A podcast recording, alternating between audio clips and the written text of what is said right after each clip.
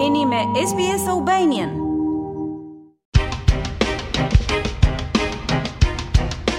Ka patur thirrje të reja për qeverinë australiane për të rritur migrimin nga jashtë shtetit për zonat rajonale të Australisë.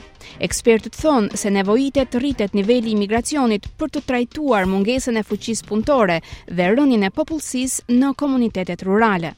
Të ndjekim raportin. Ka kërkesa në rritje për ndryshime në sistemin e migracionit të Australisë, për të lejuar një nxitje të emigracionit nëpër komunitetet rajonale australiane. Departamenti i Punëve të Brendshme aktualisht po shqyrton sistemin e migracionit të Australisë dhe po merr parashtresa nga organizatat e ndryshme. Pas publikimit të të dhënave të reja nga Qendra e Popullsisë e Qeverisë Federale, disa grupe thonë se qeveria duhet të veprojë shpejt për t'i dhënë përparësi komuniteteve rurale dhe për të adresuar sfidat e rëndësishme sociale dhe ekonomike atje. Kryeekonomisti për Institutin Rajonal të Australisë, Kim Houghton, përshkruan disa nga avantazhet për zonat rurale të vendit. That has a whole heap of benefits. there's the short-term benefit around jobs, of course. We've got a record number of job vacancies across regional Australia, employers looking for workers.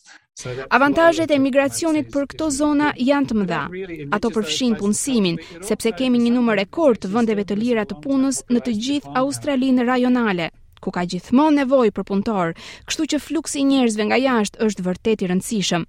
Një tjetër avantazh është hyrja e kulturave të ndryshme, që kulturalisht i pasuron ato zona. Gjithashtu, për disa prej tyre, migracioni do të frenonte një rënie afatgjatë të popullsisë.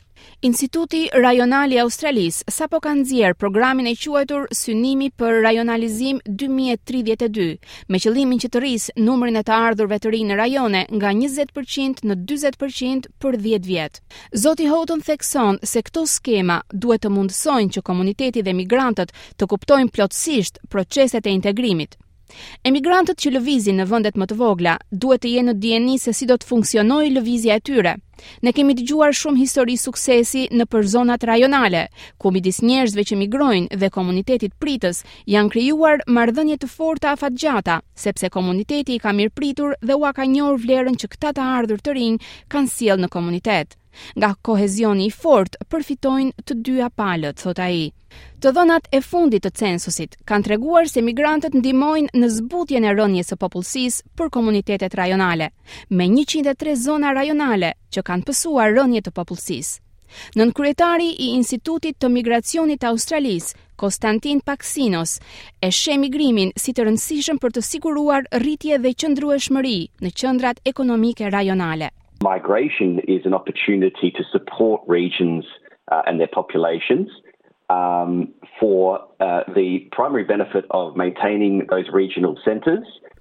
Migrimi është një mundësi për të mbështetur rajonet dhe popullsinë e tyre me përfitimin kryesor të mbajtjes së atyre qendrave rajonale dhe mbështetjen e bizneseve që operojnë atje, veçanërisht industrinë tonë bujqësore dhe fermerët.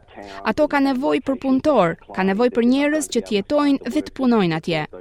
Nëse nëpër ato qytete dhe lokacione rajonale nuk do të vijë popullsi e re, nuk do të jenë në gjendje të gjejnë punëtorë për të mbështetur bizneset, dhe kjo do të sjellë një krizë të konsiderueshme për sa i përket prodhimit rajonal, i cili është një kontribues i rëndësishëm për ekonominë tonë.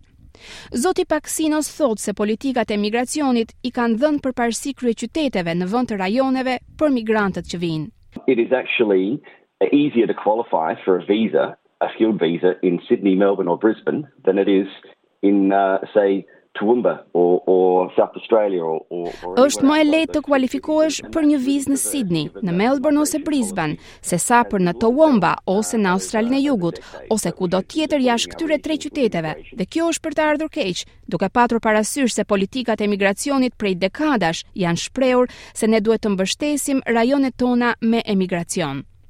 Të dhënat e fundit tregojnë se Australia rurale arriti një numër rekord prej 96.000 vendesh të lira të punës në fund të vitit 2022. Mark Glazebrook është shef ekzekutiv i organizatës Migration Solutions me bazë në Australinë e Jugut. let's say 10,000 people move into regional South Australia doing jobs that locals aren't doing currently, that creates 16,200 brand new jobs. Le të themi se 10.000 njerëz shpërngulen në rajonin e Australisë Jugore, duke bërë punë që vendasit nuk po i bëjnë aktualisht. Kjo krijon 16.200 vende pune krejt të reja. Pra, e njëjta gjë do të ndodhte edhe anasjelltas. Nëse 10.000 njerëz do të largoheshin nga zonat rajonale për të shkuar në qytet, sepse aty mendojnë se ka mundësi më të mira, atëherë kjo do të ishte e barabartë me 16200 mundësi punësimi të humbura për banorët vendas. Zoti Glazebrook thotë se nuk ka një rrugë të qëndrueshme përpara për industrinë rajonale nëse nuk ndërmerren veprime të menjëhershme për të adresuar humbjen e popullsisë. We, we need to make sure that Ne duhet të sigurohemi që kemi mjaft njerëz për të plotësuar rolet që duhen plotësuar, dhe kjo do të bëhet ose përmes rritjes natyrore të popullsisë ose trajnimit në nivel lokal. Por atje ku nuk mund ta plotësojmë këtë nevojë nga tregu vendas i punës, duhet të sjellim njerëz nga jashtë me aftësitë që na duhen dhe që do të angazhohen për të jetuar dhe punuar në punët që i nevojiten zonës. Përndryshe, e ardhmja për zonat rajonale do të jetë shumë e zymtë, thotë ai. Rishikimi i sistemeve të migracionit nga Departamenti i Punëve të Brendshme është ende duke u zhvilluar, me shumë shpresa se politika e ardhshme do të trajtojë rreziqet e mundshme për komunitetet rajonale.